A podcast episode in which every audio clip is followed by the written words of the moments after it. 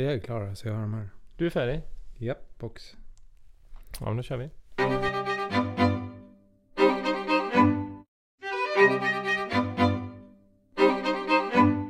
Välkommen till Dataministeriet med mig, Anders Bäckström. Och mig, Filip Jonsén. Nu var det ett tag sedan igen, Filip. Ja, det var väldigt länge sedan igen. Det känns som att nu är det väldigt, väldigt, väldigt länge mellan gångerna. Ja, men vi kan också skylla på påsken. Och andra saker. Högtider. Uh, ja, vi hugger rakt in. Vi har en gäst, eller hur? Yes, äntligen. Äntligen igen eh, Fredrik, eller inte du inte här igen Fredrik, men eh, välkommen Fredrik Malm. Tack så mycket. Från, ja, nu glömde jag vad det var, Mariestad. Nära, Töreboda. Töreboda. Ja. Men det är inte därför du är här. Även om det också hade varit kul. Mm. Du är här för att du är dataskyddsombud på Alektum och, och gillar dataskydd. Exakt. Inte bara för att du är dataskyddsombud där utan för att prata. Hur är dagsformen idag? Ja men det är bra tack. Jag har ju en eh, sex veckors son mm. hemma. Så att jag är, eh, och en tvåårig dotter. Så att jag är lite, lite trött generellt men mm. bra idag. Det här konstanta Exakt. Eh, töcknet ja. som är. Mm. Ja, det, det har vi passerat. Ja. Men grattis då. Tack så mycket en ganska, ett ganska nytt tillskott. Mm. Är det också en framtida dataskyddare tror du? Eh, ja, men de får välja vad de vill såklart. Men eh, om jag får välja så eh, kanske någonting lite mer åt det kreativa. Mm. En kock hade jag gillat hemma. Ja, det är, ja i och för sig. Så alla jurister bara, nej, ta något mer kreativt, ta något roligare. Ja, det, det, är bara jag som inte säger så. Tror jag. Jag, jag säger ju som, som du sa, de får göra vad de vill. Fast i verkligheten vet jag att det, det är en sanning med modifikation. Men i princip får de göra, bara man brinner för något tycker jag. Um, så, så, att de tycker det är roligt och brinner för det och blir hyfsat duktiga. Mm. Um, att de inte bara så här, går och slår dank. Precis, precis. Att man inte mm. bara går på jobbet, jag håller med. Sen, sen spelar det ingen roll, jag menar jag brinner ju uppenbarligen för andra saker än juridik. Liksom snickeri och alla möjliga saker. Jag, jag tror jag lika gärna skulle kunna jobbat med det. Faktiskt. Så ju, mm. ju längre tiden går desto mer känner jag att jag borde göra det. För att jag mår egentligen bättre när jag är utomhus och snickrar och håller på. Ja. ja det är ju faktiskt ganska skönt att få röra på sig lite också. Det blir ju inte jättemycket med det upplever jag. I, i alla fall eh, min roll. Nej. Det är mycket Ännu mindre under pandemin på något sätt. Ännu mindre. Man, man behöver ja. inte ens gå mellan mötesrum. Nej, Nej. precis va. Så... Ingenting vid kaffeautomaten utan det var kaffebryggaren. Mm. Precis, precis. Och så har man, eh, som jag har barn hemma, då går man inte ens ut eh, senare på kvällen utan då vill man ju hänga med dem. Så, att, mm. så, så är det Men mm. ja, det, det är otroligt roligt ändå med, med de där små liven. Absolut. Det Sätter saker i perspektiv. Men när du inte hänger med dem, då är det jobbet som gäller och eh, du, vi pratade lite här innan och du sa att du har du varit på Alektum hela karriären så här långt? Ja, faktiskt. Eh, som jag, jag pluggar ju då och sen eh, jobbar jag då på en kort sväng redan innan jag slutade plugga. Eh, på, under tiden jag skrev uppsatsen så jobbade jag på Transportstyrelsen. Så var kvar där ett tag. Mm. Eh, en väldigt bra skola kan man tillägga. Ja, precis va. Mm. Eh, och eh, så, som vi sa innan här, jobben kastades ju inte på en direkt. Så att, eh, jag var kvar där ett år tror jag och sen så eh, började på Alektum. Mm. Och då som inte som någon renodlad juristtjänst utan eh, lite 50-50. På, på den tiden så var det många inkassoanläggare som eh, man ville ha liksom, juristutbildningar på dem. Mm. För att det ofta leder till domstol såklart. Mm. Eh, så att, eh, och för att de det. kunde vara kräsna då? Vad sa du? Och för att de kunde vara kräsna vid den tiden. Ja, precis. Exakt. Eh, så att eh, det hoppade jag på och sen så har jag haft hela, ja, sen dess hela karriären då egentligen i, i, internt på Alektum. Mm. Och det är väl häftigt i sig att, att man kan ha det på vissa bolag. Det är ett bra tecken om inte annat, brukar jag säga. Ja. Och absolut. ett bra sätt att få väldigt bra inblick i vad man faktiskt, faktiskt gör. Ja. Och hur det faktiskt går till. Verkligen. Um, I hela, ja men i väldigt många led och så i organisationen tänker jag. Ja, ja men verkligen. Och det är absolut det jag använder mest. Eh, mer, mer, mer skulle jag säga än min juristutbildning använder jag min erfarenhet på Alektum mm. i mitt jobb. Och hur eh, kom det sig sen att du gled över mot dataskyddsrollen där och dataskyddsombud? Ja, det var, det var inte självklart. Jag tackade till och med nej först faktiskt. Va? ja, jag ja. vet Ska vi avbryta direkt? Ja, jag funderar på det. ja, precis. Nej, jag... Eh, jag har, eh, jag ska säga först att jag har mycket att tacka min karriär internt på, på Alektum till Alektums chefsjurist Katarina Bergqvist. Utan henne så skulle jag inte ha den karriären jag har. Men hon, jag började, fick då gå över från inkassoverksamheten och börja jobba för henne. Eh, men då mer på bolagsjuridik och eh, hade hand om lite avtal och fick vara med när Alectum expanderade ute i Europa så där, och köpa upp andra bolag och sådär. Så det tyckte jag var kul. Eh, men så var det ju då DPO som också var, sysslade generellt med compliance-juridik som slutade och då frågade hon om jag ville hoppa på det istället.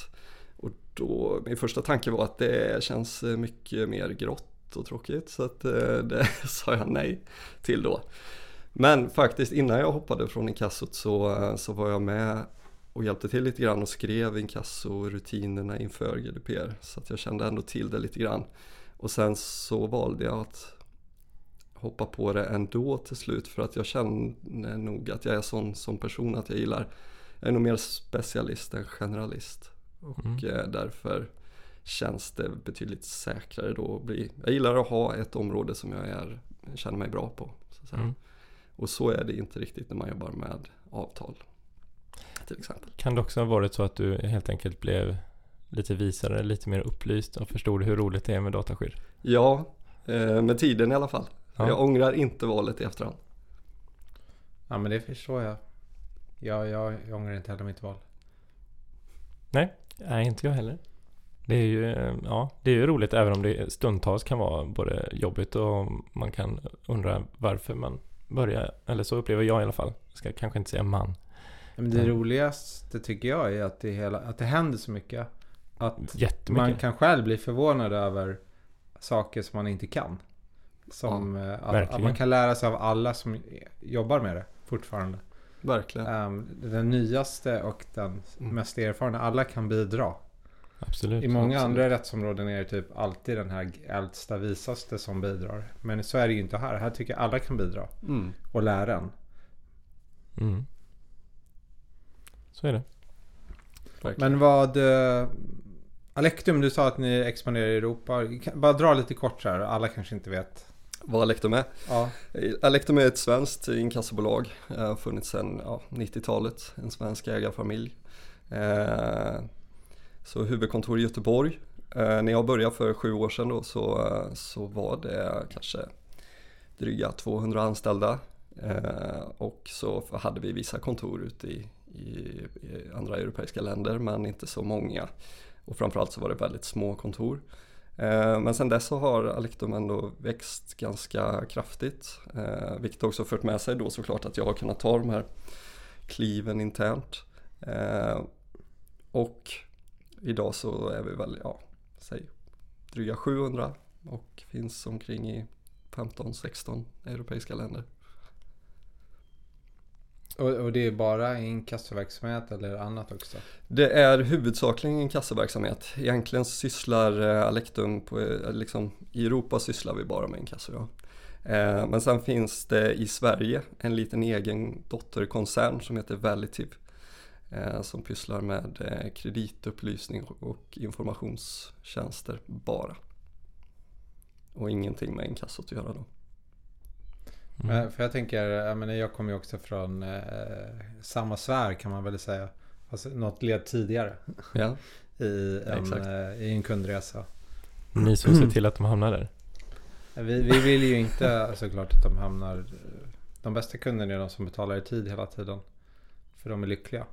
Jag menar, jag, jag har ju själv hamnat hos inkasso någon gång när man har klantat sig. Jag med. Sverige. Ja. Uh, och uh, men jag tänker att det finns liksom de som är som jag som blir så här. Jesus, jag måste betala så fort jag kan. Eller de som bara äh, blir så stridsvilliga. Mm. Precis, det är både och. Och en tredje grupp som, eh, som har såklart, såklart eh, hamnat i en situation de inte klarar av. Hur, hur, eh, hur på- kan det påverka dataskyddsarbetet? Liksom att, jag är ju då, inte för, att säga- för att vara självgod, men så här helt oproblematisk. Jag betalar bara så fort som möjligt. Och sen jag fattar att ni måste behandla personuppgifter, att ni har skickat det där kravbrevet. Om det är ni, det kan ju vara någon annan också.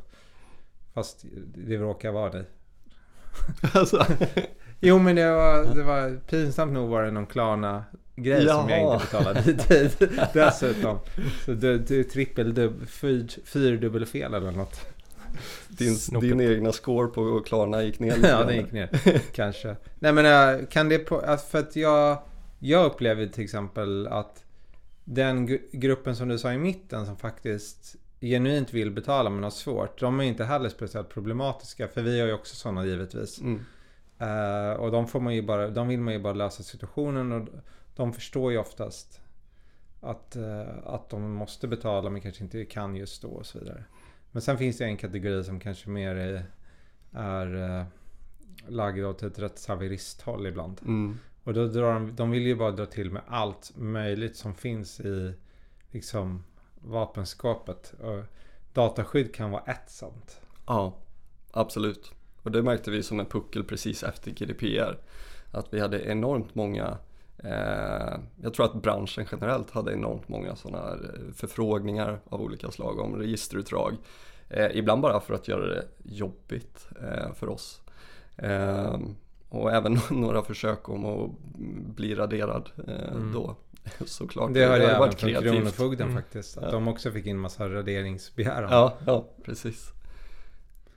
Men har det, känner du en tendens av att folk blir mer medvetna om kan mer så att det kanske den typen av raderingsbegäran inte kommer in längre? Ja, eh, det kanske, jag vet inte vad det beror på men det är helt sant som du säger, det, det är betydligt färre.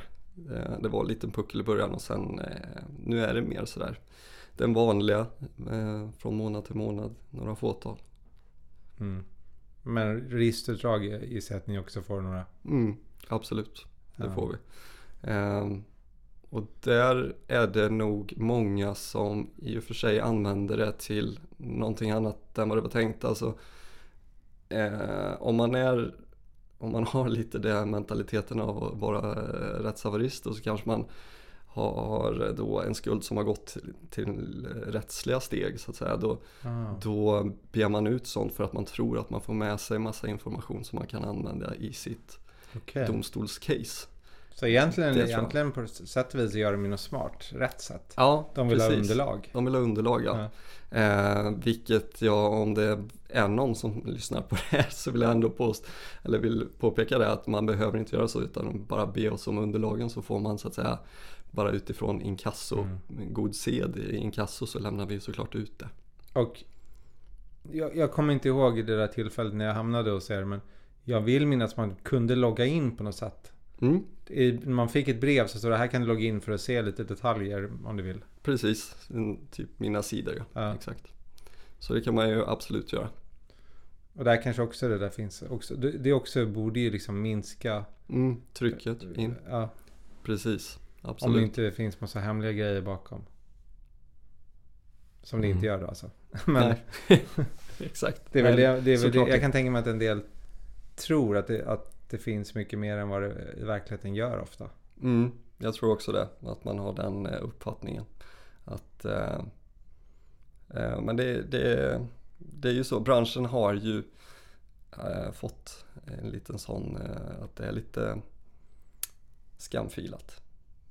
Så, eh, så då, och ibland så, men jag tror att det finns en viss eh, det finns en viss grad av sanning i den kritiken men den är nog eh, lite äldre skulle jag vilja påstå. Jag tror, inte, jag tror att det är mycket som har hänt de senaste, nu jobbar inte jag i branschen för tio år sedan men jag tror att det är mycket som har hänt på bara tio år. Att, Men jag tänker att det har inte alls med er bransch att göra egentligen. Utan typ indrivningsbranschen så här historiskt. precis. Att, att det är något man ser i gamla filmer eller filmer som utspelar sig förr i tiden. Så liksom så här indrivarna kommer. Mm, och kastar ut familjer, hus och hem. Och, Exakt. Alltså det finns en, en nästan en nidbild av indrivare som, som inte alls är samma verksamhet egentligen. Nej. Men jag tror det ligger lite som, som kanske du var inne på där att man håller ju inte på heller på liksom skuldindrivaren eller skatteindrivaren utan man, man har lite det här att man håller på Robin Hood liksom. Så, mm. så, så är det ju. Eh, så att, eh, men man får också sätta det i relation till något när man tänker på branschen. Jag tror inte man ska vara så orolig idag utan tar man kontakt med ett inkassoföretag idag så alla, alla företag idag behöver den här goodwillen, de här mjuka värderingarna för att överleva eh, långsiktigt och så även inkassobranschen. Så att eh, det, det, har förändrats mycket skulle jag vilja påstå. Absolut. Men du nämnde att du först, för att backa tillbaka bandet till eh, DSO-rollen, att du var lite tveksam um, och kanske krävdes i alla fall en lite mindre övertalning. Vad sen dess så har du ju ändå stannat i rollen några år. Mm. Så du måste ju tyckt att det var ganska kul. Från Absolut. det där gråa, mm. trista. som, som uppenbarligen var en felaktig uppfattning enligt mig då. Vad, vad var det som var roligt sen? Vad var det som du upptäckte? Du tyckte att ah, men det här var ju kul. Ja men det, det jag tycker är det bästa är, är eh, att det, eh, dataskydd liksom ligger som ett lager på, på hela verksamheten. Det är väldigt eh, sällan det är så med andra rättsområden. Som, I alla fall som jag har varit involverad med. Liksom, att, eh, man kanske pysslar med moms och så gör man det. Eh, eller så är man som jag gjorde då, skrev en hel del avtal och då kommer det in i lite med säljprocess och sådär. Men, men annars så eh, liksom dataskydd ligger ju där som ett lager så du blir involverad verkligen i hela branschen. Och jag eller hela verksamheten, hela företaget och liksom se hur processerna verkligen fungerar på insidan. Eh, och jag, och det är högt och lågt också, jag, jag, på Alektum så sitter jag med i den eh, Operations Management, jag ber om ursäkt för engelskan, jag är för trög för att översätta. Eh, men eh, eh, ja, inte den högsta ledningsgruppen men en ledningsgrupp för Operations eh, där Verksamheten verksamheten, tack. Eh, och där eh, sitter jag inte för att vara med och fatta några beslut liksom, men för att ta, med, eh, ta del av den information som finns där. Så samtidigt som jag har liksom, får vara med där så sitter jag ju också såklart i rådgivningen till verksamheten och får se i, och det kan man ju komma in på frågor som är ganska i detalj sådär hur, hur det funkar i, ja, verkligen ute i verksamheten. Så det skulle jag säga är det är det roligaste med det här området. Men är du, eh, för det kommer alltid upp den här frågan när man är dataskyddsombud. Den får jag också så här, var är du organisatoriskt? Jag är ju själv i compliance. Mm. Um, jag, vet inte, jag kommer inte ihåg vad du är Anders. Jag är inte dataskyddsombud. Nej men okej. Okay. Men jag har varit, och då låg det under IT. Ja. Ja men din roll som du har nu, var ligger den då? Nu under CFO. Och, och Fredrik? Eh, vi har ju ingen eh, compliance, vi är inte den typen av bolag som behöver det. Eh, så att, men juristavdelningen helt ja. enkelt. Ja. ja men det, det, det, börjar, det verkar vara de vanliga för DSO just att antingen en, en rättsavdelning, juristavdelning eller en complianceavdelning. Sen finns det väl en del eftersläntrare som fortfarande har det på IT. Mm. Mm. Eller infosec om man har om man är så pass som man ja, har det också. Sant. Det kom ju något avgörande nu att man faktiskt kunde vara både SISO och DPO. Jaha, det har jag missat. Det har jag däremot hört många sagt, som sagt mots, motsatsen. Ja, men jag av, av, olika anledningar. Jag läser alla de här besluten som kommer ut runt DPO-roll eller DSO-rollen för jag tycker det är så kul. Mm. Att följa så här, vad får man göra, vad får man inte göra, vilka roller. Och då kom det ett beslut som sa Jo men om man är en, en CISO som har liksom liknande, de kan ju vara lite olika, men om man har en liknande funktionalitet, lite så här andra linjen compliance-funktion, och man har inte något beslutsmandat över verksamheten på hur de faktiskt behandlar, då, då går det att förena rollerna. Mm. Men sen finns det ju andra beslut tidigare där man säger om man har det där beslutsfattandet i rollen som CISO så kan man inte vara det. Extremt svår gränsdragning ja, då. Mm. Ja. Jag ser, det fladdrar förbi annonser hela tiden på LinkedIn och där har jag ju sett fortfarande kombinationer CISO och DPO. Mm. mm. Om det är någon som vill ha det så vet jag att man kan söka på LinkedIn i några sådana öppna positioner just nu. Överlag, alltså det är, det är så galet många som vill ha duktiga dataskyddsombud. Ja. DPOer. Verkligen. Mm. Absolut. Jag har flyttat till Stockholm ju, eller Stockholmsområdet. Jag bor på Värmdö eh, ganska nyligen och eh, sen jag flyttade hit har det exploderat med, ja. med förfrågningar faktiskt på LinkedIn. Mm. Ja, det händer lite grejer mm. i stan. Men eh, hur är det med din roll idag? Är det, är du, ja, citationstecken då, bara dataskyddsombud eller har du någon hatt till? Jag eh, är ju, jurist eh, också. Eh, och jag kanske ska, ska dra den när ni, ni frågar om Liksom när jag fick frågan om att vara DPO så, så var, nu hyllade jag ju Katarina tidigare här så nu får hon ta att jag säger det här då. Att eh, frågan till mig vid det tillfället var att eh, om jag vill ta på mig det här med DPO också. Eh, det är lite mer jobb och inget mer lön.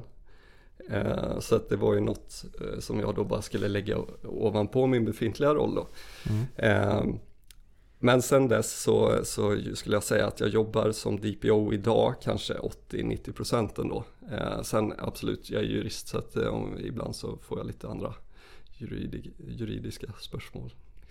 Men det, jag skulle tolka det som att det är 100% och sen ja. gör du lite annat. Ja. Men det är ju inte så att jag skulle, alltså det är, inryms, det är det som är så intressant med just den här DPO och DSO-rollen. Att man kan ju utforma lite till det man vill. För det, jag menar till och med i lagstiftning finns det ju både rådgivning och granskande funktioner. Och, så här, och man kan ju balansera dem där hur man vill. Vad ingår i rådgivning? Vad är det som innebär att man ska berätta vad den ansvariga, hur den ska behandla, vad lagreglerna säger. Det kan ju vara avtal också. Mm. Och massa grejer. Eller mm. ren rådgivning eller hålla handen eller produktutveckling. Mm. Um, Gud vet allt. Ja, exakt. Ja, man kan ju verkligen tänja på det. Tänker jag, eller har jag alltid tänkt i alla fall. Alltså man kan gå ganska långt i vad som är just rådgivning. Ja, ja men så länge man inte fattar ett beslut. Det, det händer ju ibland att folk vill att man ska fatta ett beslut åt dem. Absolut. Det är det jag jättenoga så Nej, jag kan aldrig fatta ett beslut. Nej. Nej, nej men precis. Eller, men, eller lite konstigt, klart jag kan fatta beslut. Men inte just men om inte det. Men inte runt personuppgiftsbehandling. Nej, precis. Jag kan fatta andra beslut. andra beslut, ja exakt. Uh, jag håller verkligen med om, uh, om det ni säger, att man kan gå ganska långt i rådgivning. Jag tycker uh, lite tyvärr att många hamnar i den diskussionen alldeles för mycket, liksom vad en DPO inte ska göra. Eh, jag tycker ändå att eh, mitt jobb på Alektum är att få till ett så bra dataskydd jag kan. Och spelar det då någon roll hur jag går tillväga så länge som registrerades eh, liksom, eller individers ja, rättigheter tas till liksom, hänsyn till. Jag, menar, jag, jag tänker alltid det kan jag alltid göra. Så jag, nu är jag lite så här klanifierad och produktifierad. Jag tänker allting kring produkter. Allt jag gör är en produkt. Och det ska liksom den jag levererar, vad den är till. Äh, äh, om jag gör en iakttagelse. Och, alltså om jag skulle sälja det där till någon. Då måste det följa med. Hur åtgärdar de det på ett bästa, smidigaste, effektivaste sättet. Det är en produkt. Och bara säga jag hittade en, en brist eller något ni kan förbättra. Förbättra det. Alltså mm. det är en jättedålig produkt. Mm. Ja, visst. Så att, eh, det är ungefär som hur man köper en bil så får du ingen instruktionsbok med. Nej, exakt. Läser du det? Alltså jag vill ju skicka med. Nej, men ja, ibland. Ja. Men man vill ju skicka med liksom instruktionen också. Så här, jag har hittat det här, men här är instruktionen för att fixa det. Ja. Ja, det är en bra produkt. Ja. För mig. Och jag, tänk, jag, tänker att det också handlar om att eh, liksom, legitimera sin funktion också lite grann. Om man bara står och säger nej, det här är fel. Gör om, gör rätt. Och sen, ja, men det får ni hitta på själva vad det är som är rätt. Och sen får man nästa gång, nej det här är fortfarande fel, det här, ni får göra om igen. Innan jag började på Klarna tänkte jag lite mer som en jurist så här. Rådgivning, men kanske inte det där extrema lösningsfokuset faktiskt.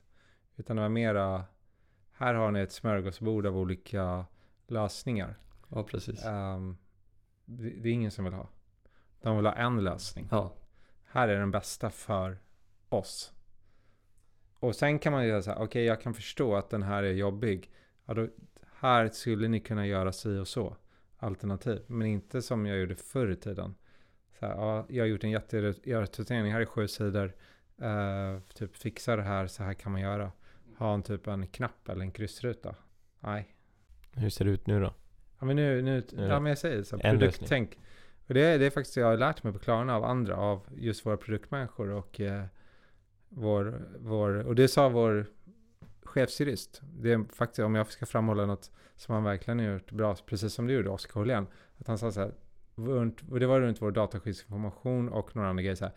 Tänk på dem som era produkter som ni levererar till kunder. Och då vill man ju leverera en jäkligt hög kvalitet. Mm. Mm. Då är det någonting annat än juridik. Och hur är det i övrigt på just din organisation Alektum eh, med dataskyddsarbete? Liksom, hur har ni strukturerat det? Eh, själva organisationen? Ja men alltså vilka, finns det, finns det typ sådana här... Uh, champinjoner? Champinjoner, champions, finns det dataskyddshandläggare, finns det någon som är typ eh, GDPR-ansvarig mer i, i första linjen som vi kallar på banker, liksom i, i det operativa eller liksom hur? Ja, jag förstår. Eh, vi har, eh, vi har lite, om man bör, liksom börjar från toppen så, så är det eh, väl ungefär så att jag är den som leder liksom, dataskyddsarbetet generellt. Mer i form av projektledning liksom för att få det att gå framåt. Eh, och sen så har vi, sen har jag lånat lite av eh, eh informationssäkerhetsarbetet på Alektum för de har redan utsett då riskägare kallar vi dem för i, ute i verksamheten då. Så att en riskägare är en person som har liksom ansvarar för en process och riskerna i den processen. Och, och då ser jag att det är de personerna som är min, mina motparter eller samarbetspartners beroende på hur vi, hur vi ser det. Men det är de jag ger min rådgivning till eller, eller det är de, deras arbete jag granskar. Och sen är det upp till dem att fatta beslut eller ställa resurser, människor till förfogande liksom, när något ska göras och implementera till exempel. Sen har vi båda då möjlighet att eskalera om vi skulle vilja det Eh, till något som vi har eh, som också är informationssäkerhetsarbetet men det till en riskkommitté där vår VD med flera sitter för att liksom fatta beslut om sånt lite mer som kräver långsiktiga beslut och kanske sånt som berör lite högre risk och sådär.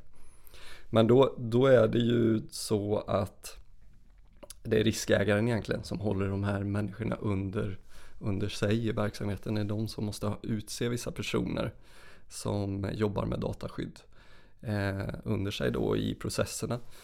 Eh, men där har vi också eh, något som har funnits på Alektum ganska länge bara liksom i, i verksamheten är, är eh, processexperter. Eh, och de, de tycker jag har en naturlig del i dataskyddet. Eh, de kan ju Alektums processer och då, om de då lägger på lite veckovis jobb på dataskydd också så, så eh, gör, de, gör vi ett ganska gott jobb. Sen finns det såklart folk på, på min sida, de här supporterande eh, personal liksom i form av eh, vanliga jurister och nationella DPOer som, som hjälper mig otroligt mycket. Men är du så, som ibland kallas här group DPO eller? Exakt, det är jag. Och sen har ni lokala i de andra länderna du nämner ni, ni finns i. Ja, precis. Finns det en i Sverige också eller Vissa, är du Nej, eh, jag är ensam i Norden eh, faktiskt. Men vi har en i, vi har fyra regioner, eh, landsregioner liksom, där det är Norden, öst, väst och Dach-området. Eh, vi har en, en i Dach och en, en i öst. Och min, jag hoppas att, att addera till DPOer, först och främst en i väst, kanske en i Norden. Och vad, vad gör i DPO då om man tar, nu, nu går vi ner lite djupare här. Till exempel utbildning, är det ni som håller det? Eller ja. är det någon annan? Eh, både och. Eh, mycket är eh, jurister som, som gör. Eh, men exempelvis för Sveriges del så håller jag en introduktionskurs för alla nyanställda eh, på GDPR generellt och dataskydd. Har, har, är det typ klassrum även om det är på video? Ja. Har ni e-learning? Hel, helst, ja vi har e-learning. Eh, det är inte så jättegammalt, det började vi med under Corona. Men innan så körde jag liksom fysiskt framför mm. dem. Mm.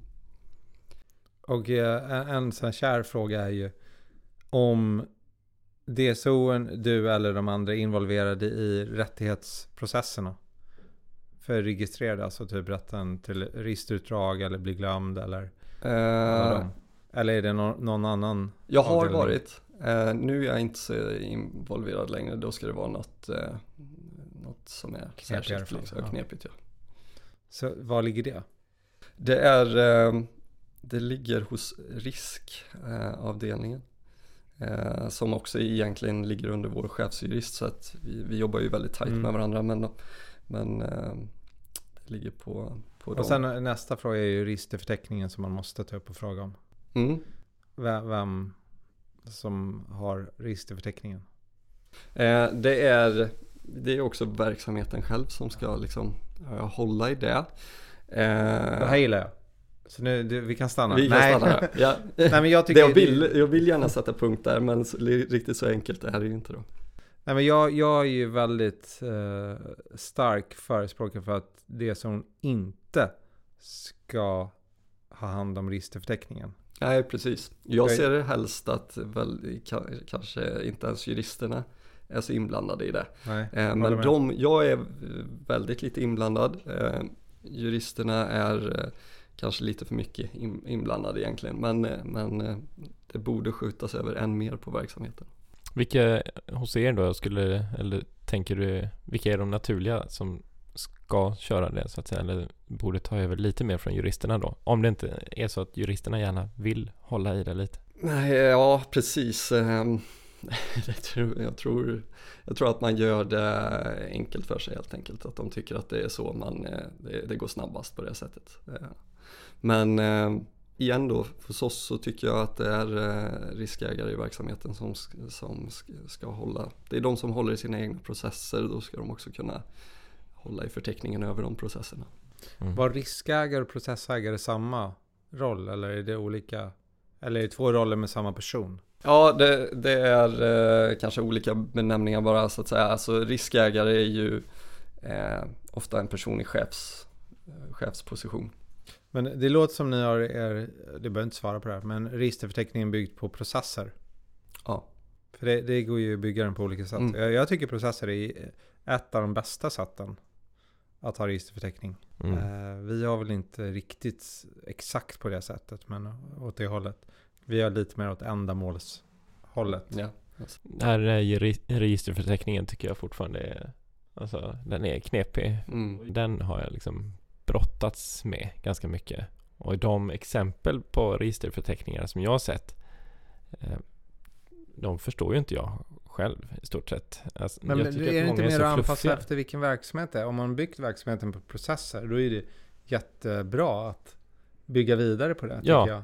Har jo. man byggt verksamheten på avdelningar då kanske man faktiskt ska bygga registerförteckningen på avdelningsvis. Jag vet inte, liksom har man byggt det på, alltså jag vill inte säga det, men har man, har man inte för många IT-system, ja till och med kanske det kan vara ett sätt.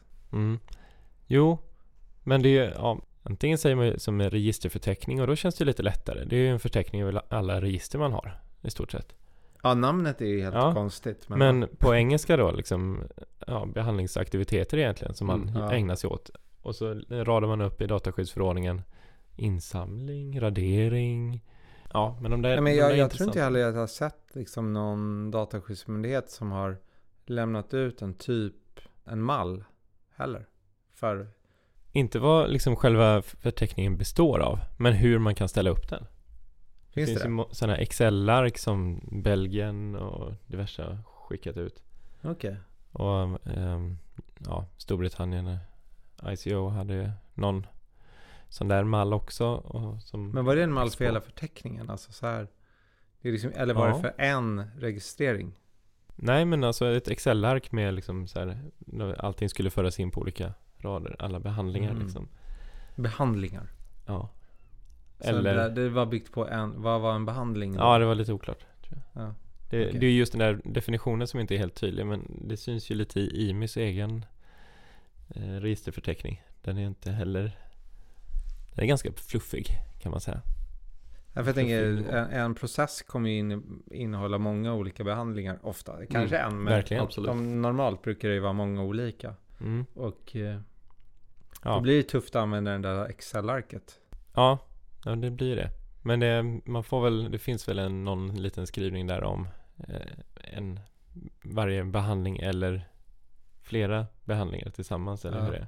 Jo, man får väl hoppas på det. Eh, det. Annars blir det svårt att skriva hur man hanterar mejl. men det viktigaste är ju att man har informationen och organisationen själv förstår den. Att den täcker in allt det plus, alltså allting som står i artikel 30 plus tycker jag är att man ska, fick frågan idag på en utbildning, så här, man, man ska ha mycket mer information som man, som man kan använda. Mm. Alltså jag tycker det är alldeles för lite uppräknat. Man vill ju ha mer per registrering. Precis. Ja, det så inte så här, man vill ju veta vem är ansvarig för behandlingen. Ja, Det finns Absolut. inget krav på att ha. nej. Eh, vad är det? det är, är det rättsliga grunden som man inte behöver ha? Det är det nog va? Det är någon sån här ändå ganska Ja, grundläggande bara- grej. Det är så jätte, så här, de har glömt massa grejer. Känns det Ja, som. Precis. Och då, då har jag följdfrågan, vad tycker du om så här dataskyddsförordningen i stort? Alltså flipp eller flopp? Ja, i stort flipp. Eh, Nu har inte jag jobbat eh, innan GDPR i stort sett, men eh, det måste man väl ändå säga att det här området var väl inte så progressivt innan GDPR kom. Och vad tycker du liksom om, du, om vi vill fram, lyfta fram några så här riktigt bra grejer med dataskyddsförordningen? Inte jämfört med hur det var tidigare, bara bra grejer generellt. Ja, det, det bästa är väl ansvaret. Det, det är ju det som har fått, fått fart på hela området så att säga. Och det är också det jag, gillar mest på som företag liksom, att du måste du måste, du utkrävs på ett ansvar. Sen, sen kan man absolut diskutera huruvida det är och, ibland går lite långt. Men, men jag gillar det här att företag måste idag fundera över sin, eh, man behandlar personuppgifter, då ska man också ta lite ansvar för det och kanske eh, ja, fundera över riskerna med det, dokumentera. Jag, jag gillar de grundläggande sakerna. Och vad kan vara lite mer mindre bra? Dels så ser jag ju som, ja, sen- senast idag faktiskt, så hamnar jag i en situation och det är inte första gången för det är en fråga som tycks förfölja mig lite grann.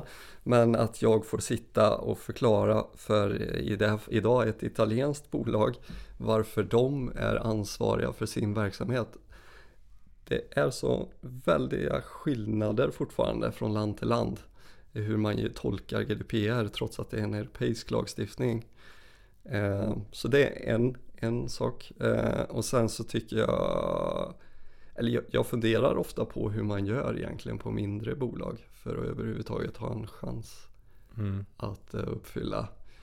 Mm. Det är faktiskt en väldigt bra poäng. Jag menar, det, i, i stort sett så finns ju inga lättnader. Nej, exakt. Och det, man kan ju absolut, eh, alltså man antar väl att det är för att det liksom, de, man särskiljer inte personuppgifter utan eh, är en personuppgift så är den, ja, då ska den ha samma regelverk så att säga. Men eh, det kan man ju förstå. Men jag, man, nu, nu har jag eh, lyckligtvis en organisation runt mig så jag har inte det problemet. Men jag funderar faktiskt ofta på hur man skulle göra om man jobbar på bara ett lite mindre bolag än, inte jättemycket mindre än Alektum tror jag. Så du, är ganska, så du blir ganska ensam. Och hur, hur ska du då ha en möjlighet ens att uppfylla, Ja, uppfylla det den skulle inte vara det så på heltid. Verkligen inte, exakt, exakt. Inte Och du skulle det. inte ha dina personer där ute säkert i organisationen Nej. heller. Precis. Eh, så att eh, då det jag, eh, ja det är knappt som man vill säga det men jag antar att eh, den typen av bolag helt enkelt inte väljer att följa då, eh, dataskyddsförordningen. Och, och då är ju frågan, ska det, ska, ska det vara så? Nej, ja, inte enligt lagstiftningen. Nej precis. Nej, men jag, jag, jag tycker det lyfter två jätteviktiga punkter. Jag menar, jag, jag började ju prata om just den här äh, kulturella skillnaden långt innan den trädde i kraft ens. Att jag, jag tycker mig också ha sett äh, att jag har fått det bekräftat i viss mån att hur man gör de här olika bedömningarna och att det, man kommer kanske inte hela vägen genom att diskutera heller för att det är mer fundamentala skillnader i hur man tänker. och historiska perspektiv som gör det också. Så att man, man kommer aldrig i mål. Nej. Och eh, det har ju sett beslut i typ identiska ärenden.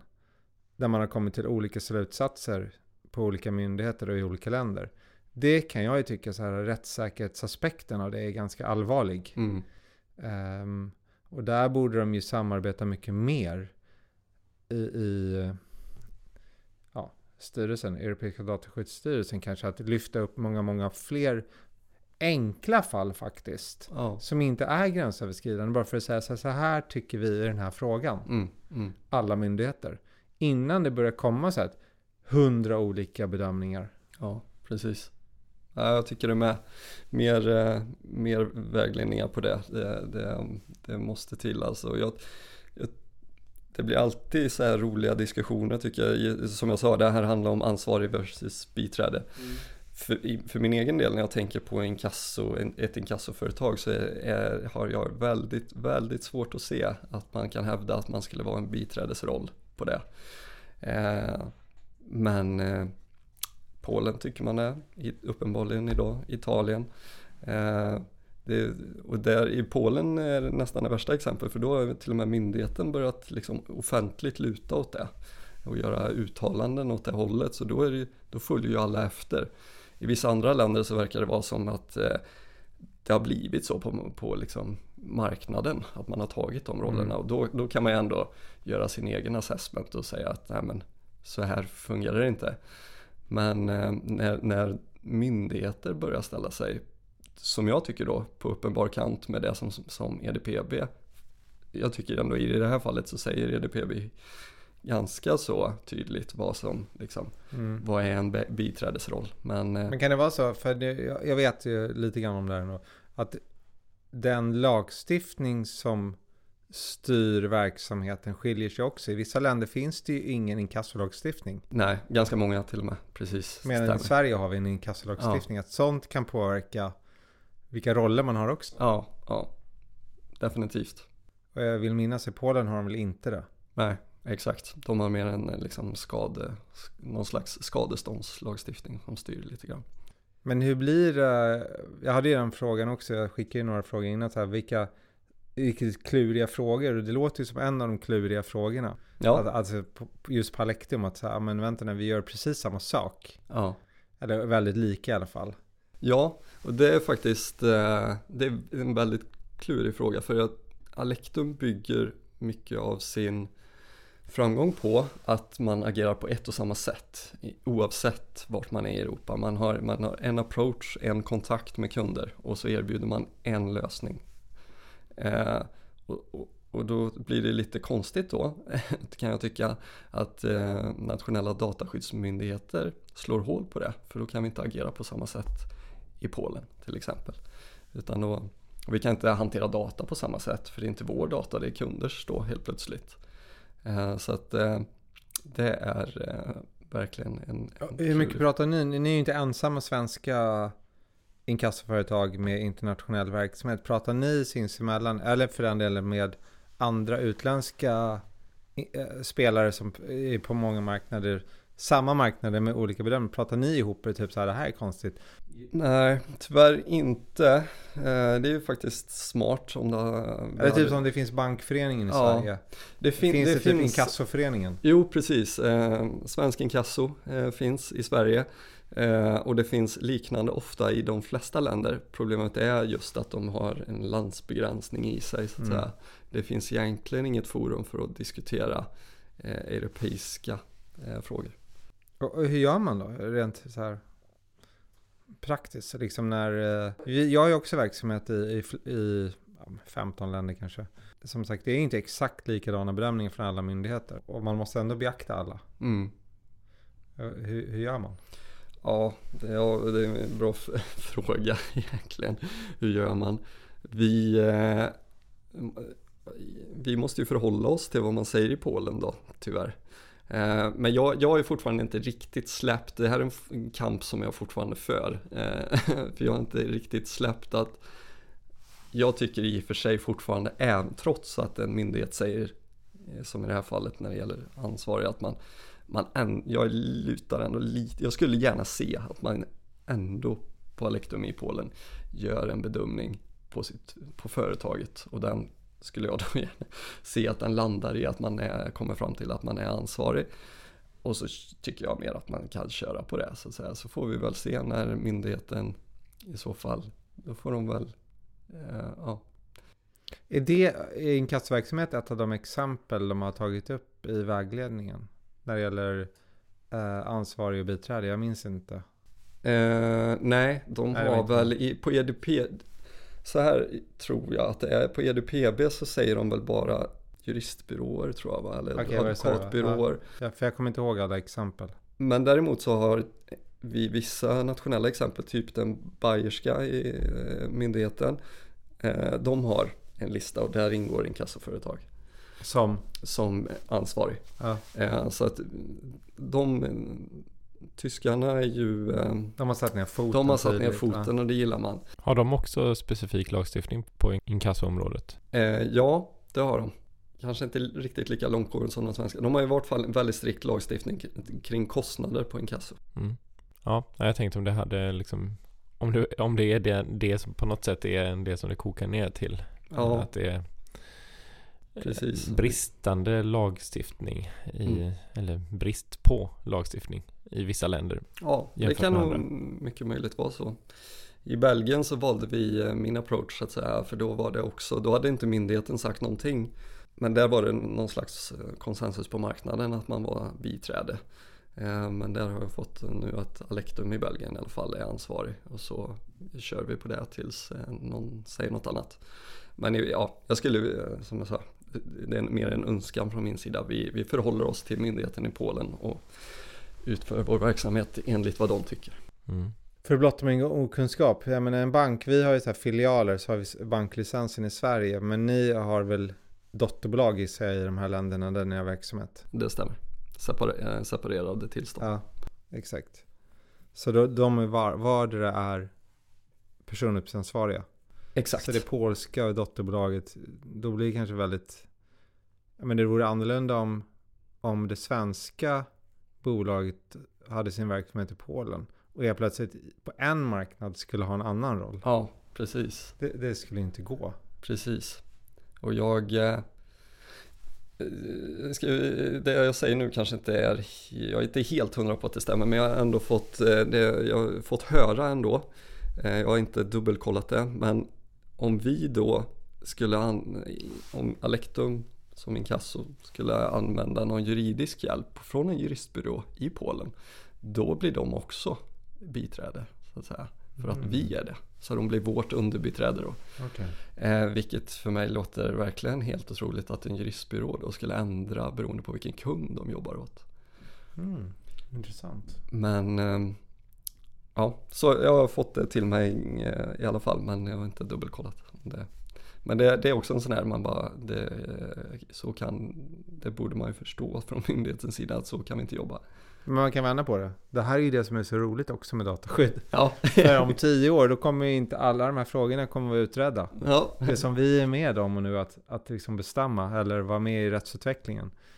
När man Mm. om tio år då kommer ingen så diskutera. Ja men ska ni vara då kommer det ju vara lika i hela alla Mm. medlemsländer. Det är jag helt övertygad om. jag hoppas, hoppas det. Ja jag kanske är naiv.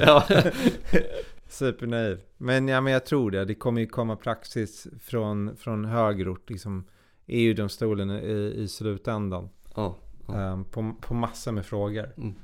Och eh, det är nu man har, har möjlighet att vara med och påverka den. Inte sant? precis. Mm. Jag tänkte på det här med eh, då, då har ni ett eh, respektive dataskyddsombud per bolag. Vi har gjort en bedömning, från början gjorde vi en bedömning för Sveriges del så att säga. Mm. Att behöver inkasso verkligen ha dataskyddsombud? Och det, kan, det är ändå en fråga som jag tycker kan diskuteras. Det, men vi kom ända fram till att vi, vi ska ha ett, vi behöver ett för Relativ som har kreditupplysning och sådär. Och vi köper också portföljer, vilket vi tyckte, skuldportföljer och sådär. Eh, Mm. Så att vi tyckte ändå det. Men vi har inte, eh, så att säga, vi har ju inga lokala DPO utan det är väl det är ju i så fall att de har rapporterat in min, mitt namn så att säga som, som Group DPO då, i andra länder. Mm. Förutom vissa mm. där vi har då eh, nationella DPO. Men de här, eh, alltså de ändå dataskyddsombud som ni har mm. inom eh, koncernen då. Kommer de också inifrån så att säga eller kommer de externt ifrån? Både, både och. Det finns, tycker jag, fördelar med båda. Eh, jag, jag, som kommer inifrån uppskattar såklart att ha en diskussionspartner som är, kanske kommer externt. Mm. De, de, kommer med lite andra perspektiv helt enkelt. Så jag sitter på det här interna redan. Så att eh, det är väl fördel med båda samtidigt som eh, i vissa fall tycker jag internt dataskydd är absolut det bästa. Mm. Just för att man sitter på det här verksamhetskunskapen då ofta. Mm. Som vi nämner det här skal hur stora man är påverkar ju också väldigt viktigt tycker jag. Men är ni stora, det, det, ni skulle ju inte kunna bara ha externt. Nej, det går inte. Man växer Exakt. ur den roll, liksom kostymen ganska mm. tidigt. Men däremot om man är 20 anställda och har ett kundregister bara för man levererar typ dörrar. Alltså du måste fortfarande följa dataskyddsförordningen, men ja. helt överdrivet. Dels behöver du inte ha ett DSO. Men, Dels.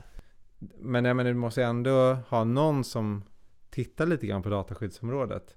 Och det kan väl vara någon extern som kommer in då och då. Får jag alla mm. efter mig nu eller? Det tror jag inte. Nej. Nej men det är väl de fallen som det kan kännas rimligt. Men annars så, jag tycker också att det är bäst med ja, Men kan man, kan man, skulle man kunna säga så här? Om det finns ett krav på en verksamhet att ha ett DSO då är det så pass komplicerat att det borde vara internt. Jag tycker inte det är en dum tanke faktiskt. Men alla de här DPO as a service slår vi undan fötterna på. Precis. Så det finns behov av båda. Exakt. Ja. Men det här med, med de olika bedömningarna, det är också, det kommer ju många rättsfall. Och hur, rent praktiskt så här, hur gör du för att hänga med liksom? Inte bara kring liksom, ditt område, jag antar att du liksom följer lite allt möjligt. Mm. Det gör man. Eller hur gör du? Hur gör jag? Jag eh, tar väldigt mycket hjälp eh, ska jag säga för att jag, eh, det går inte att göra det själv är väl min uppfattning. Som sagt, jag har en hel organisation runt mig som hjälper mig och framförallt så som Group DPO så måste jag hålla koll på så många länder också så att eh, jag, eh, jag är helt beroende av att jag får eh, till mig information från från alla våra länder. Och vi har möten eh, de har möten varannan vecka ska jag säga. Jag är med en gång i månaden och, och tar del av det här liksom, nyhetsbevaknings... Eh, int, vår, vår interna nyhetsbevakningstjänst. Mm. Så du läser inte alla beslut på polska? Jag gör inte det, nej, precis. Och jag Hur många ganska, språk eh, behärskar du då? Ja, det, precis, det är faktiskt, hade jag, önska mig något så hade jag varit nog det. Att jag, det hade varit bra om jag varit bättre på språk. Jag pratar bara svenska och engelska tyvärr. Ja, det är inte så dåligt i och för sig. Nej, men och det vill jag också säga att eh, IMI borde ju göra lite fler beslut för jag tycker ändå att jag, eh, jag får väldigt mycket stöd från eh, Norge och Danmark där jag ändå kan uppfatta besluten så att säga. De tycker jag är oftast bättre än på Menar du kvaliteten eller, eller områdena de fattar beslut på? Eller jag tror att de tar fler, fler beslut till att ja, börja fler, med. Okay. Det, mm. det hade jag önskat av Jimmy generellt. Eh, men är det att de inte fattar besluten eller att de inte publicerar dem? Det kanske inte vet. De publicerar Nej. inte så mycket i alla fall. Nej, men de fattar ju fler. Ja, det poppar ju upp, eh, tycker jag i alla fall, eh, en hel del beslut. Vi har ju till exempel Monica Wennerby dyker ju på och hittar på, liksom, äh, hittar på gör hon ju inte men hon hittar Ja men som eh, inte är publicerade beslut. Ja, beslut som ändå, ja, det här är jätteintressant område eller en intressant fråga Ja det är sant Men IMI har, har de valt att inte publicera det? Eller? Ja det är klart Jag vet inte de, de har valt Ja men vilka, ja. baserar de sina urval? Alltså på då? Ja men de väljer väl det som kan vara intressant Jag menar beslutet kring Klarna var, hade väl en all, allmänt intresse av alla att kunna läsa vad tycker de om dataskyddsinformationer. Medan om det är någon detaljfråga kring ett religiöst samfund som det säkert var i Monikas fall.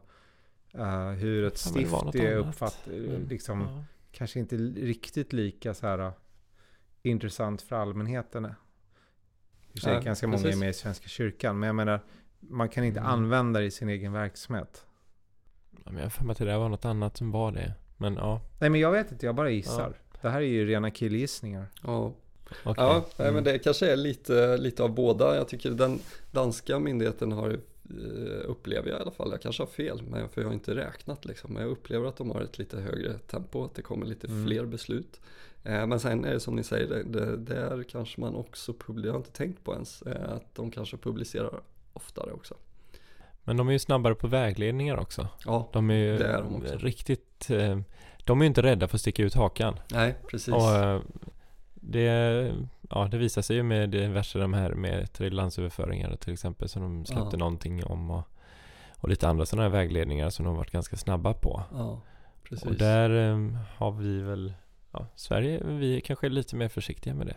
Ja, exakt. Men bortsett från- hur tycker du med, ja men nu har de ju, om man tar ifrån och byter namn då, bara. Hur har de skött sig?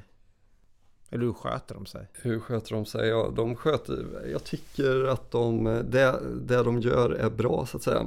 Det eh, jag var inne på här är kanske att jag skulle önska lite mer. Framförallt vägledningar, vilket är lite emot att jag har eh, klagat lite på det här med olika, olika beslut i olika länder eller olika synvinklar i olika länder. Samtidigt så tar ju vi på Alektum väldigt mycket hjälp av så fort det kommer en vägledning från någon myndighet så att säga. Och det är jag övertygad om att de flesta seriösa bolag gör. Att man vill, man vill göra rätt så att säga. Men Mm. saknar man vägledningar så då, då är det ju svårt. Jag tycker det är en väldigt viktig poäng att alla seriösa bolag och kanske alla bolag vill göra rätt. Ja, Och att vägleda genom tillsynsbeslut för mig, det, det är lite konstigt. Det är inte speciellt proaktivt. nej, Verkligen inte. Um, dels tar det väldigt lång tid för dem att utreda. Om de istället hade gjort en vägledning och sagt gör så här, då hade ju lejonparten av alla gjort så. ja, Och då hade de sluppit brister. precis. Det är precis. proaktivt. Att jobba proaktivt genom retroaktiva beslut, det känns lite Ja. bakvänt för mig. Ja, Vi får kanske bjuda in någon från IMY så att de får svara på det lite. Men jag tänker att det kan ju faktiskt ha med Schrems 2 att göra. Alltså, Ja, apropå att göra. tidigare har sagt liksom att man vill göra mesta möjliga med sina resurser som man har. Och sen kommer ett beslut liksom från EU-domstolen att man måste handlägga varje klagomål som man får till sig. Ja men så blir det. Sen kommer alla beslut, eller väldigt många kommer ju överklagas. Så då sitter de Ja. ju fast i massa förvaltningsrättsliga processer. Ja. Låser upp. Ja, men jag tänker att det kan ju vara en sån orsak som att man ser att oj, nu måste vi hantera alla de här klagomålen oavsett vad vi tycker om dem eller inte. Mm. Ja, men hur ska vi ändå få lite effekt så att det blir Du någon snäll lärdom av Anders. Ja, men jag försöker ändå, ja. Jag försöker Jo men jag tycker att de har att gjort väldigt, väldigt mycket bra. Och framförallt, både under Datainspektionstiden gjorde de mycket bra. Det de kunde göra med de resurser de hade. Det bara synd att besluten försvann. Och sen, eh, ja, det var lite synd. Men det, det var nog en rädsla att man inte så här, åh, tänk om de inte riktigt går att tillämpa, jada, jada. Jag kan förstå det, nu försvarar jag dem. Mm. snäll. Och sen tycker jag när Lena tillträdde skedde det väldigt mycket bra grejer. Sen kan jag, om jag får komma med lite kritik, tycker jag de, de senaste tiden har dalat lite grann. De, de var inne på något bättre, men jag tror att de blev upplåsta av massa internationellt samarbete också. Mm. Det, det, Ja. Återigen med det här med Italien, alltså jag tror det är så mycket diskussioner som inte vi ser. ja, Som, som pågår, som bara är tidskrävande. Ja, Ja. precis. Och Det det, var de väl det. Alla Det de här gränsöverskridande casen som liksom skickas fram och tillbaka, fram och Ja. tillbaka. Mm. Ehm, och jag menar, väldigt många har ju gränsöverskridande verksamhet. Ja, ja, ja visst. Och då blir det ju direkt att varenda litet ärende tror jag ska skickas till alla. Ja, För Ja. kännedom och hit och dit. Och så kan man ju ha väldigt, väldigt olika uppfattning. Jag, Ja. jag upplever ju ändå, ja, IMY och framförallt, eller framförallt, men även tidigare då Datainspektionen, att har haft liksom en väldigt pragmatisk syn Ja, och tolkning av ju. dataskyddsregler. Ungefär som ICO då. ja. Eh, li, ja, men att de ändå har gått i samma, ja, men gått lite hand i hand. Och sen nu istället, när de inte är med, Och så är det massa tyskar istället och fransmän. Som inte ha, riktigt har den här pragmatiska kanske synen på det och som Mm. fortfarande bygger sina webbsidor som man gjorde i Sverige för 15-20 år sedan. Det, alltså, det är lite en annan verklighet tror jag för eh, IMI också än vad många europeiska systermyndigheter har. Jo, men jo. Nu, nu vet inte jag riktigt resursrelationen. Liksom, vissa andra myndigheter eh, i EU kanske hade mycket mer resurser redan tidigare. Och då Det blir det nog obalans där också. Absolut. Men eh, vad- det var någonting jag tänkte på. Det, det finns ett oundvikligt ämne. Eh, Tredjelandsöverföringar. alltså det går inte att missa. Man måste ta upp det i varje avsnitt numera. Ja. Ja, men det, tyvärr är det så. Nu senast såg jag någonting om Google Recaptcha. Och vi har ju Google Analytics. Vi har liksom de gamla äldre casen kring Facebook, alla möjliga. Vad kommer det bli av allt det här? Har du någon... Titta i spåkulan. Det, ja, på, på kort sikt så tror jag i och för sig att vi bara kan eh, sitta, sitta still och vänta. Jag tror inte det kommer hända så mycket på kort sikt. Eller om man tänker på det här med ja, Biden och vad heter hon, van der Leyen eller. Men eh, ja, nej, man kan ju verkligen, alltså det är det är en fråga som jag tycker att man har, det, jag har svårt att förhålla mig till. Nu kanske, nu kanske vi är på väg in i NATO till exempel. Och samtidigt då som vi då ska ingå i en försvarsallians så, så, så sitter de här länderna, inte bara USA har det väl eh, ryktats om, utan eh, att man sitter allierade länder och övervakar varandra. Det tycker jag är en svår, eh, svår det är svårt för mig att förhålla mig till, eller en värld som jag är helt, helt främmande inför. Så är, är det Hur kommer vi rimligt? leva med den här diskussionen över liksom en lagom lång framtid? Schrems 2, Schrems 3, Schrems 4, liksom Ja. land, tredjelandsöverföringar. Det får man inte göra, det får man inte göra, det får man inte göra. Eh, extra säkerhetsåtgärder, hej och hå, länder ska bedömas, TIA. Ja, jag, jag, jag tror ju tyvärr, tyvärr det, att vi kommer få leva med den här problematiken i, i vart fall ett tag. Sen, eh, jag, jag, alltså, jag ser ingen riktig lösning på det. Och det, eller, det är väl få som gör det, det är väl därför vi sitter här så att säga.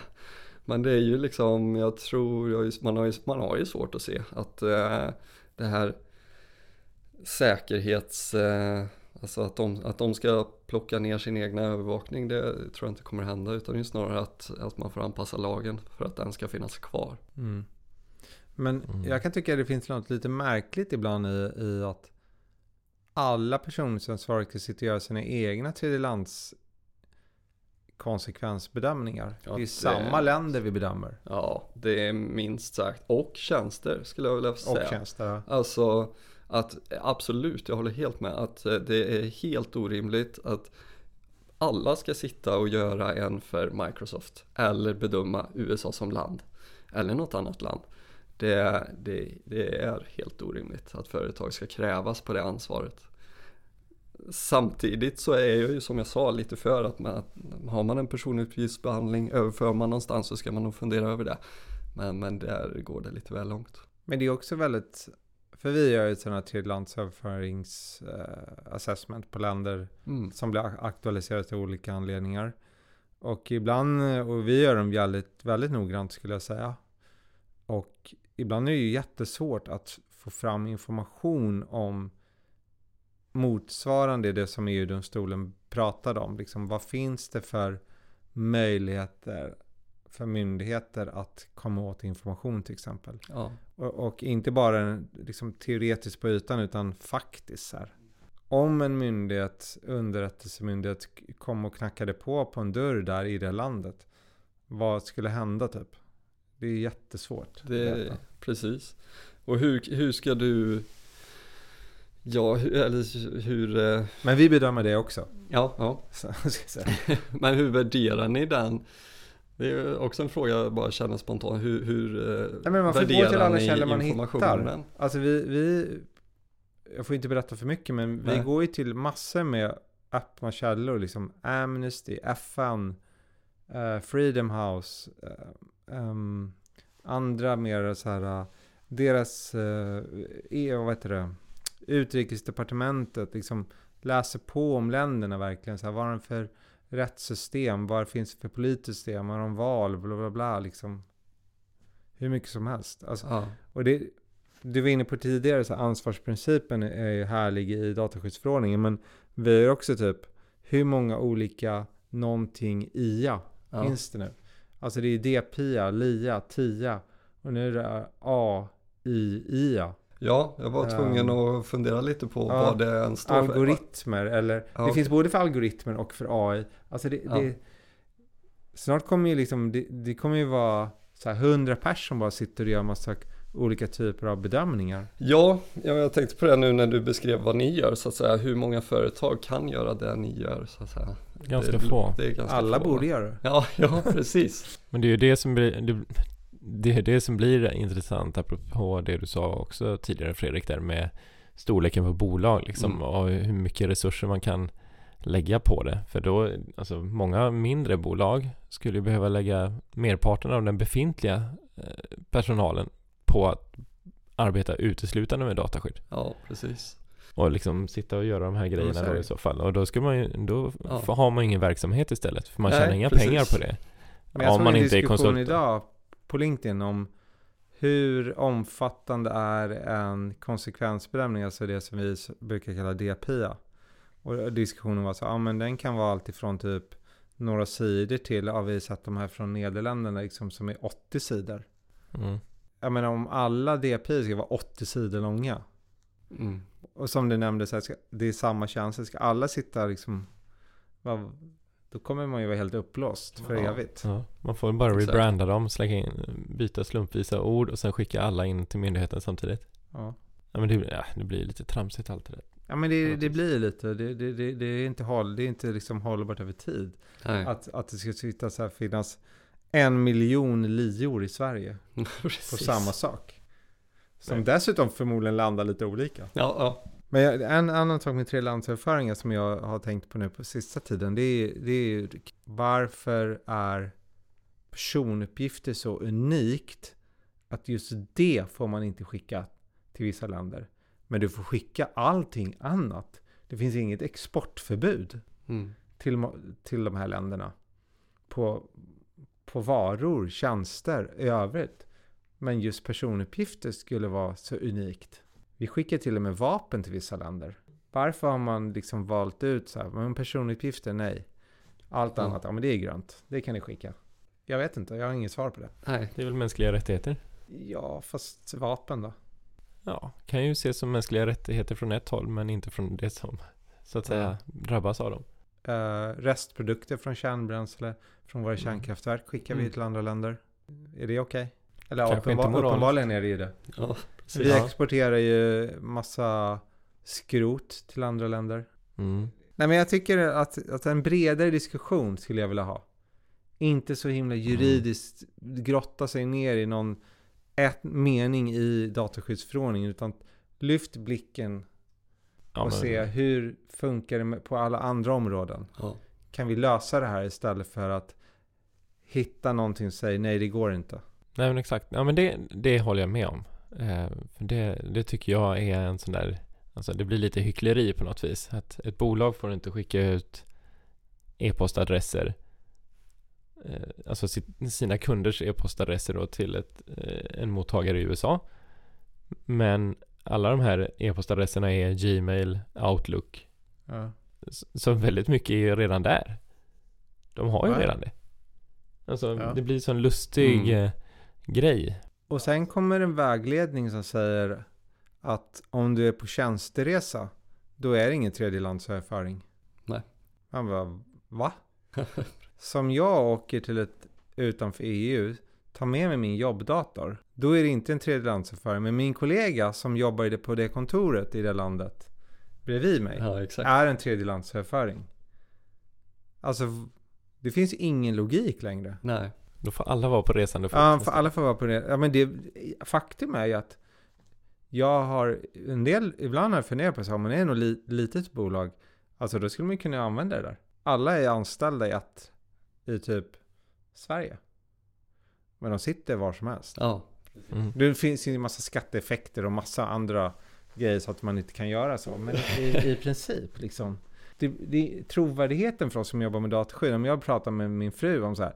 Jo men, eh, nej, men det är inget problem för mig att ta med min dator.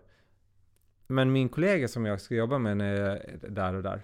Den kommer inte kunna göra samma sak. Hon kommer ju bara, va? Men, så din kollega från USA kan inte sitta på samma resort som du? Nej, i Florida, nej. Men du kan sitta där? Jag kan sitta där. Ja. För det, det står ju i vägledningen. Mm. Det, att det den är, han bra räknas som en tredjelandsöverföring. Härligt. För det lämnar aldrig bolaget, den personuppsansvariga. Men såklart är det säkerhets för alla säkerhetsåtgärder måste man ju fortfarande tillämpa. De kan ju falla på det istället. Och som om man pratar med liksom de som är tekniker, de skrattar ju bara åt oss. De bara, men vänta här. Vet, vet juristerna där ens hur internet funkar? Alltså uppgifterna kommer inte från Sverige. Sen flyger de över till Nya Zeeland.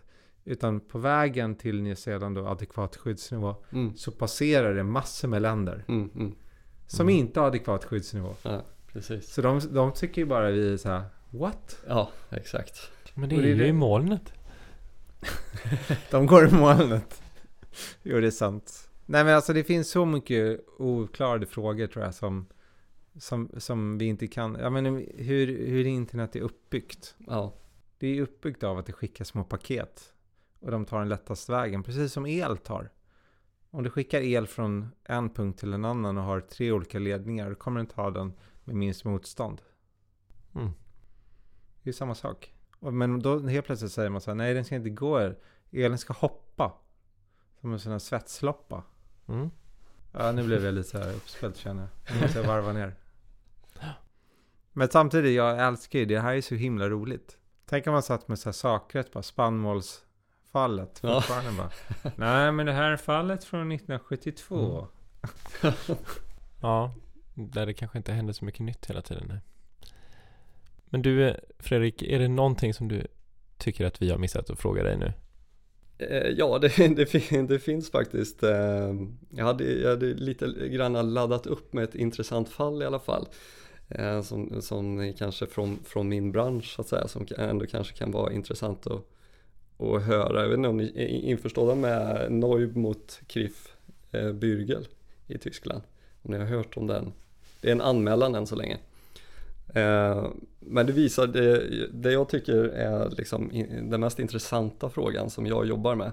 Det är det här med dataöverföring fast dataspecifik för inkasso och, och kreditupplysnings, liksom, de två branscherna jag representerar. Och där, där har ju eh, Neub gått in med ett projekt nu, liksom, inte bara liksom en anmälan utan de ser över en eh, period på flera år att de ska jobba med det här. Som de kallar för Voodoo Credit Scores.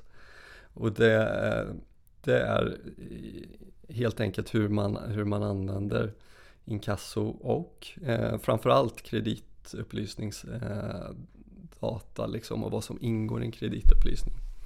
Eh, vet inte, det blir en lång utläggning om vi ska lägga fram hela fallet men, men eh, det som blir allra mest intressant där det är att man utan att att liksom förklara för individen att man ens behandlar den personens uppgifter så finns det ju sådana här jätteföretag ute i Europa, eh, i Sverige också för den delen, det är bara att i Sverige så har man utgivningsbevis för det mesta. Men i, i- ute i Europa så sitter det ju sådana här som har jätteburkar med personuppgifter med eh, som de använder för marknadsföringsändamål, de säljer de här uppgifterna i alla fall. I det här fallet så sålde de till, ett, till Krif Bürgel då som är ett, delvis ett kreditupplysningsbolag. Och då använde de namn och bara de två, namn och adress. Och gjorde en credit score på det. Och där har Noib nu hakat på. Och där har jag faktiskt väntat på det här fallet. För jag, det här måste komma en prövning på, har jag tänkt. Och det är väl lite, det hade kunnat komma en prövning som inte har med GDPR att göra. Men, eh, men nu blir det ändå Noib som hakar på det här. Så det är eh, väldigt intressant. Och det är så här, hur min bransch kan användas som blir en sån här samhällsviktig fråga. Ska vi ha den typen av samhälle där, där man tar någons namn och adress och gör en, det räcker tydligen då för att sälja en credit score. Så att om, om, eh, om, jag, om jag då som heter Fredrik och bor på Värmdö så har jag kanske då eh, i nuläget lite mer rättigheter eh, än någon som kanske med ett utländskt namn och bor i Rågsved och inte har en, har en eh, bakgrund inom punken liksom. Eller eh, har varit medlem i Ebba Grön och har lite stimpengar. Så att eh, där, där, där kan jag eller bara tipsa om för de som kanske är lite dataskyddsintresserade. Att där kommer vi ha eh, prövningar nu under, under en lång tid. Eh, Neubauer själva har sagt att de ska göra det här, ja, de har inte satt något slutdatum utan eh, under, under flertalet år, år framöver ska de pyssla med det här projektet vid sidan av sådana här andra projekt som tredjelandsöverföringar. Då. Men, men vad, jag förstår ju liksom vad det är de tänker. Jag har ju ibland varit lite negativ till dem även om de gör mycket bra saker. Att de bara hittar problem och aldrig kommer med några lösningar. I det här fallet så det, känns det mer tydligt att faktiskt bara påpeka brister kanske i, i det. Mm. Um, ja, att det blir lite tunt med adress och namn. Jag känner inte till det där. Nej. Men det är ändå väldigt intressant. Ja, eh, absolut. Och det, det är också sådär, men det är generella frågor för mig. Liksom hur, hur kan vi använda, vad ska ingå i kreditbedömningar? Mm. Vi, vi har ju problem med, eller man kastar ofta ur sig överskuldsättning. Även om jag tycker att det är lite man, man förklarar oftast inte vad man menar med uttrycket. Så att säga. För överskuldsättning på den statistik som, som finns är inte att fler personer har hamnat i överskuldsättning utan det är snarare att de som redan var där under, under de senaste tio åren så har skuldbördan för dem ökat. Men det har inte blivit fler, snarare färre som har överskuldsättning och satt sig.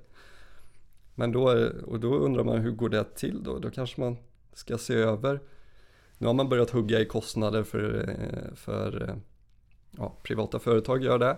Man har också börjat hugga i kostnader för inkassobranschen i stort i, inom hela EU.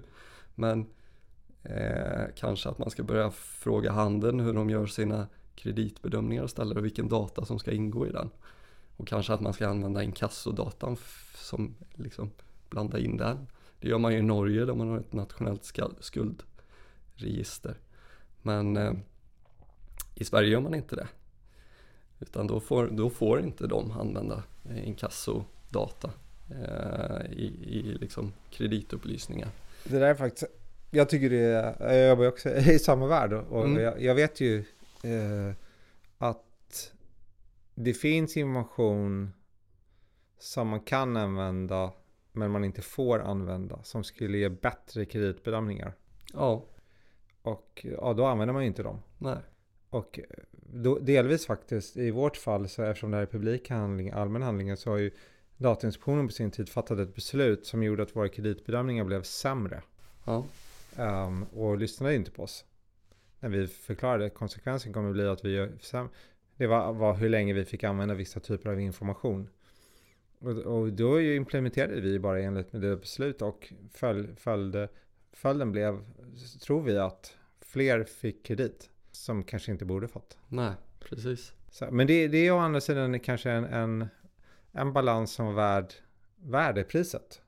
Att skydda integriteten för att ett väldigt fåtal till skulle bli ta, dra på sig för mycket skulder. Ja, precis. Jag ska inte gå in för mycket men man kan ju läsa de där handlingarna. Om man vill begära ut dem. Mm. Men det är ändå så här in, väldigt intressant. Ja. Mm. Och det, det, är säkert samma sak med de här scorerna de har att någon anledning har de ju till att de har hittat på den. Mm. Så det finns ju någon sanning i det, även om det där låter helt barockt i mina öron. Ja, precis. Och det får vi se vad, ja. som sagt en anmälan, antingen så hade de ju mer data eh, än vad de sa. Mm. För det här var bara den datan de sa att de hade. Men ändå intressant att de, för det var, började med en individ som begärde ut sin, sin information. Det är intressant att de svarar då att jo men vi har dina uppgifter, namn och adress och så har vi gjort en score också. Och det var allt så att säga. Så antingen så sitter de på mer uppgifter eller så har de faktiskt gjort det de säger att de har gjort. Så. Det börjar bli som jag vet, förlåt Anders, nu, men nu, nu är det inte mitt fel att vi pratar vidare. Men det är som att man så skriver sig i vissa länder. Um, det är jätteviktigt på vilket postnummer man har. Mm. För det påverkar vilken skola man hamnar i. Ja. Så de typ köper så här det värsta skyffet, det billigaste billigaste. Så skriver de sig där en familj. För då kommer deras skolor, nej barn hamnar i en viss skola. Ja, Det är lite liknande. ja exakt. Så nu, man skulle kunna liksom lura systemet. Ja. ja, det var bara en, en sista inskjutning på de som kan vara. Det är, det, då går in i så här automatiskt beslutsfattande. Vi tar det en annan gång. Vi gör väl det va? Ja. Mm. Men eh, ja, det var en intressant grej. Det var bra att du lyfte fram det. Var det något mer? Ja, mycket mer. Det blir, upp, det blir ep, episode del två.